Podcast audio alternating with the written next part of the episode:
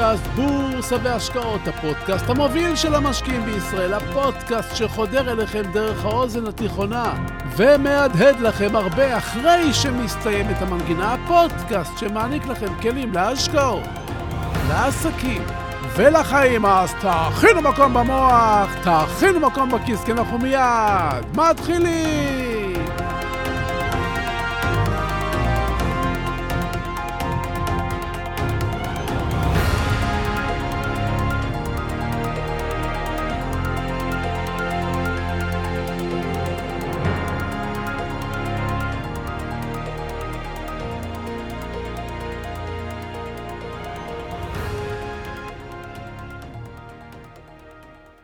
צביקה, אני אחרי הספר הזה יוכל לדעת לסחור?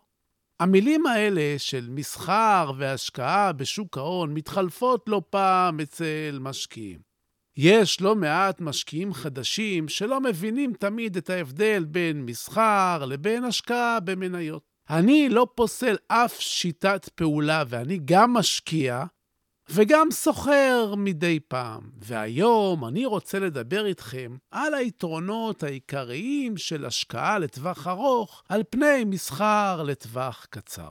כשאני מדבר על מסחר, אני לא רוצה להפריד בין מסחר יומי או מסחר סווינג, או כל מסחר קצר טווח אחר. כן, הם שונים.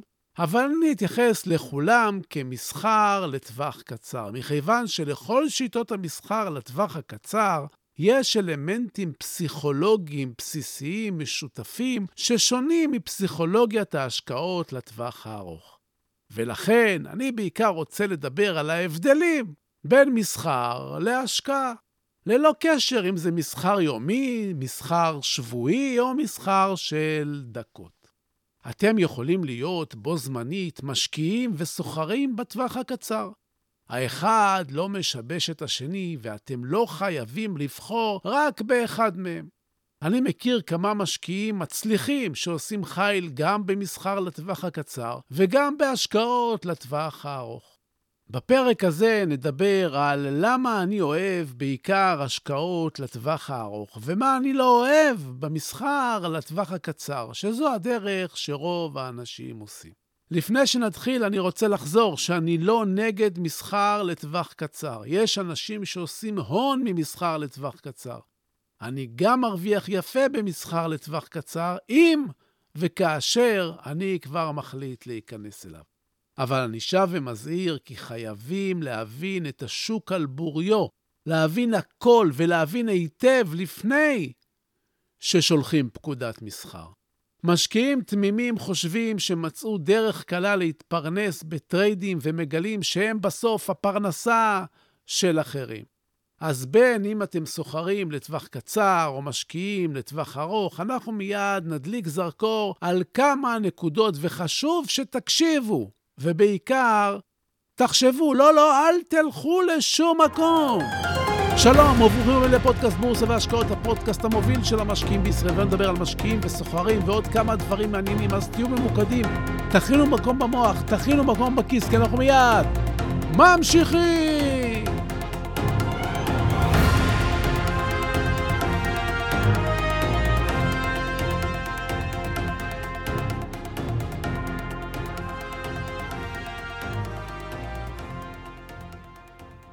עובדתית, ההשקעה לטווח ארוך מכניסה למשקיעים הכי הרבה כסף בשוק ההון.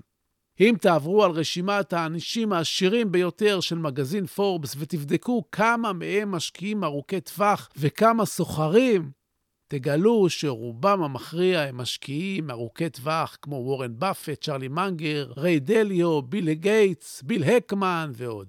תציצו באתר הנהדר של גורו פוקוס ותראו את כל האנשים העשירים בעולם שעוסקים בשוק ההון.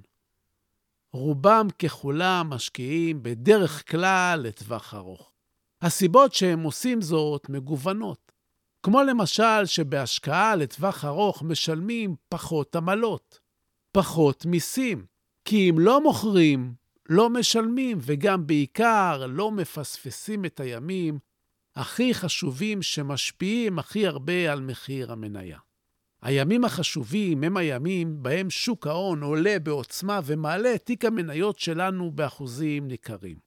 אין הרבה מאוד ימים כאלה בשנה, ומי שמפספס אותם בניסיון לתזמן את השוק, בדרך כלל מפסיד את הימים הטובים הללו ואת התשואות יוצאות הדופן שהן יכולות להשיא למשקיע. סטטיסטיקות מראות שיש מספר ימים מצומצם בשנה בהן התנועה החיובית של המניה נותנת את מרבית התשואה.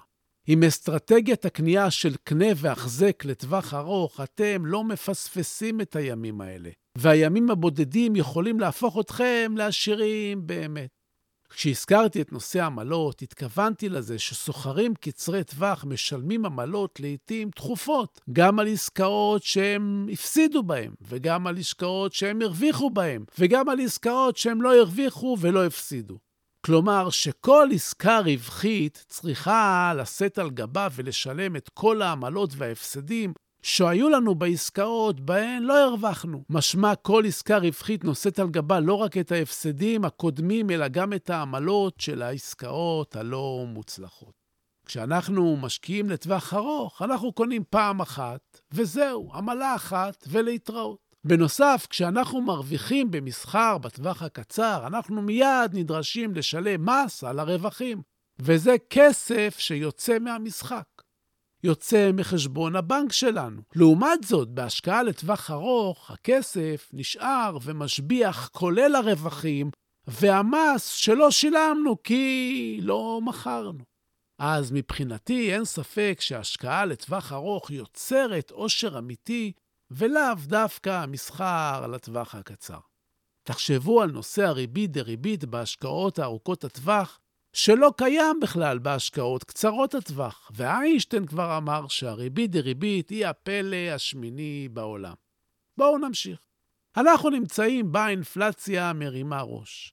אני רוצה להתייחס להשפעה שיש לאינפלציה על המסחר בטווח הקצר ועל ההשקעה. בשנת 2022 השוק חווה אינפלציה עם ירידות בשוק המניות. אבל בדרך כלל, כשיש אינפלציה, מחירי הסחורות עולים, וגם ההכנסה של חברות מסוימות עולה כתוצאה מזה.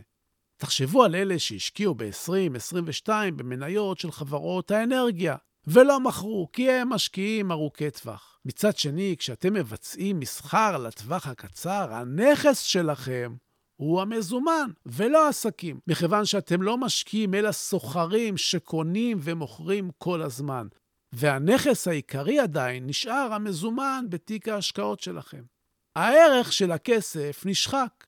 אם אתם קונים ומוכרים והאינפלציה עלתה השנה ב-5%, המזומן שלכם הפסיד 5%.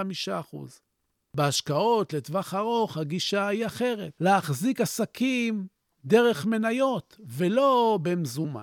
הדבר השלישי שאני רוצה לדבר עליו הוא הפסיכולוגיה של המשקיעים. במסחר בטווח הקצר, המשקיע חווה טלטלות רגשיות כמעט מדי יום ולאורך כל המסחר. זה מאוד קשה. והפעילות של המשקיע לטווח הקצר מושפעת מאוד מהרגשות שלו ומשפיעות על התוצאות. מי שאינו מיומן מאוד, מי שלא למד היטב את עולם הפסיכולוגיה של המשקיעים, לא מבין כיצד הוא עצמו מופעל מאחורי הקלעים ואיך כל זה גורם לו להפסדים רבים והוא נפגע אנושות כלכלית. כשהבורסה עולה והשוק שורי, זה פחות מורגש, ואפשר להרוויח בצורה נוחה יותר. הבעיה מתחילה כשמשקיעים מגיעים בדרך כלל לשווקים כשהשוק טוב, ונשארים עם אותן שיטות ודרכי פעולה כשהשוק יורד, כי הם לא יודעים.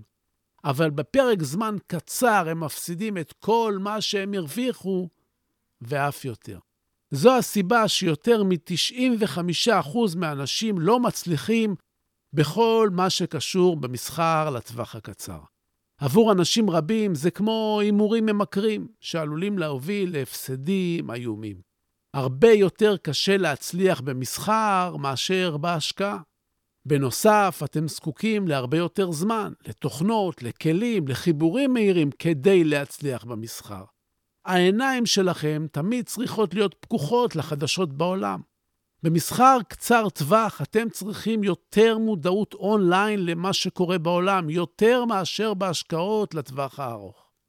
כאשר אתם משקיעים לטווח ארוך, אתם בוחרים את החברה המועדפת עליכם, ואתם דבקים בה במשך זמן רב מאוד, בלי לעקוב כל רגע, כל שעה או כל יום אחרי החדשות לטווח הקצר, או אחרי האירועים הכלכליים לטווח הקצר. החדשות לטווח הקצר, אגב, יוצרות לא פעם כאוס, כי הודעה מסוימת יכולה ליצור פחד שיתפוגג אחרי שעה, והנזק להשקעה שלכם כבר נעשה. כאשר אתם משקיעים לטווח הארוך, אתם קונים מניות איכותיות, לא לפני שאתם בוחנים אותן היטב. במסחר לטווח הקצר, המשקיעים מחפשים מניה לשחק איתה, בלי קשר לאיכותה, ולכן מידת ההיכרות שלהם עם ההשקעה לא חשובה להם. הם מחפשים תנועות על הגרף, ומכאן קל להסיק כי הם מתקרבים יותר להימור מאשר להשקעה. והדבר האחרון והחשוב לדעתי הוא שמשקיעים לטווח ארוך לומדים את השוק, מתפתחים, מצליחים לעקוב אחרי השווקים לאורך זמן וללמוד תהליכים שניתן לנצל, בעוד רוב המשקיעים לטווח הקצר נתקעים בקנייה ומכירה ובניסיון להכות את השוק, אבל לצערנו, הסטטיסטיקה מראה שהרוב נכשלים. המסקנה היא שאם אתם רוצים להיות משקיעים טובים לטווח הקצר ולעבור לקבוצות המעטות של אותם חמישה אחוז שמצליחים, אתם חייבים להיות משקיעים טובים לטווח ארוך. להמשיך ללמוד, להתקדם, לעקוב וגם להצליח לנצח את הפסיכולוגיה הפנימית שלכם שמתעתעת בכם. אם אתם רוצים להיות משקיעי טווח קצר, טובים, תתחילו ללמוד את השוק על בוריו, להבין את התנועות, לא לחפש 100 מניות ולבדוק את הגרפים שלהם, אלא לעקוב כמו משקיע ארוך טווח אחרי מספר מצומצם של מניות ולעקוב אחרי התנועות שלהם, להבין אותם, ואתם תראו שאחרי חודשיים, שלושה, המניות והגרפים שלהם יתחילו לדבר איתכם. צפרים יודעים שהם יכולים לצפות תנועות של ציפורים בצורה טובה יותר אם יעקבו בכל יום אחרי ציפורים באזור ספציפי אחד. אבל אם בכל יום הם ייסעו למקום אחר, הסיכוי שיבינו את תנועת הציפורים באזורים הללו הוא קטן. ממעקב של יום או שבוע לא מבינים כלום. ואולי אפילו ההפך. מבינים הרבה פחות או רואים את התמונה בצורה שגויה בגלל התנהגות רגעית. והנה, יש לכם חומר למחשבה. ועכשיו, עכשיו אנחנו הולכים לפינת הטיפים שלנו.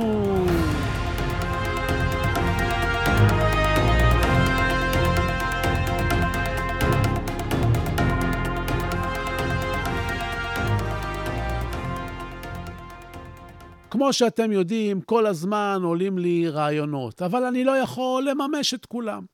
אז במקום לשמור אותם במגירה, אני מביא אליכם כי אולי אחד מכם ירצה לנסות ולהצליח, וזה ישמח אותי. בחנוכה הסתובבתי קצת וראיתי שבמקומות שבהם מוכרים סופגניות באיסוף עצמי, בדיוק כמו שאוספים עוגיות או מאפים במכירה בתפזורת, יש קצת כאוס. בדרך כלל יש איזה זוג או שניים של מלקחיים עקומים, ואף פעם אין מספיק מהם. ואז אנשים לוקחים מוצרים בידיים, ונוגעים, ומזיזים, והורסים את הסחורה, ולא לוקחים, ולקוחות אחרים נגעלים מזה שמישהו אחר נגע. וזה לא נעים. ואז חשבתי לעצמי שאפשר ליצור במחיר ממש אפסי אצבעון פלסטיק חד פעמי קשיח לאגודל ולאצבע. שתי אצבעות איתם אנחנו מלקטים מאפים.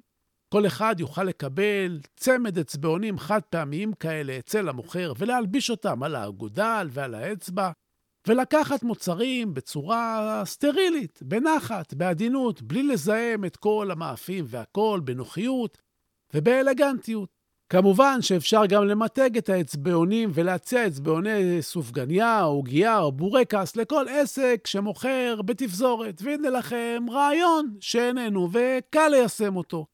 אז תצליחו. וזה כל מה שרציתי לספר לכם היום. אז זהו לנו להיום, ובסיום אני שב ומציין, כן, מה שאני אומר, המלצה מקצועית או יועץ מקצועי, את אלה תמיד כדאי לקבל מיועץ מוסמך עם רישיון. לי אין, אני רק משתף אתכם במה שאני חושב. המניות שאני לפעמים מזכיר כאן, אתם צריכים לדעת, אני לפעמים קונה מהם, לפעמים מוכר מהם, ואף פעם לא מנסה לכוון אתכם לבצע פעולה כלשהי, אלא רק לגרום לכם לחשוב, לחשוב, לחשוב, וכן, אתם גם מוזמנים להעמיק באחד הקורסים שלי באתר סודות, להרחיב את גבולות הידע של... שלכם ולשכלל את היכולות שלכם. ככה תרוויחו יותר. תודה. תודה על התגובות החמות, תודה על השיתופים, תודה להילה ברגמן, שעורכת ומאירה ומפיקה את הפודקאסט הזה. עד לפגישה הבאה שלנו אתם מוזמנים לשמור איתי על קשר, לבקר באתר האינטרנט שלי, סודות.co.il, לשלוח לי משם הודעה, לעקוב אחריי באינסטגרם, סודות, כף תחתון בורסה, באנגלית, תגיבו, תשאלו, תעלו נושאים, ואני חוזר לכל אחד ואחת מכם. תודה רבה שהאזנתם לי. תהיו טובים. תעזרו למישהו שצריך. תעשו משהו טוב. תעשו משהו טוב לעצמכם. תקנו ספר חדש. תלמדו משהו חדש.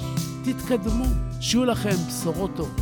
הלוואי שתתעשרו בהקדם. הרבה בריאות, כל הישורת. אני הייתי צביקה ברגמן, ואנחנו ניפגש בקרוב!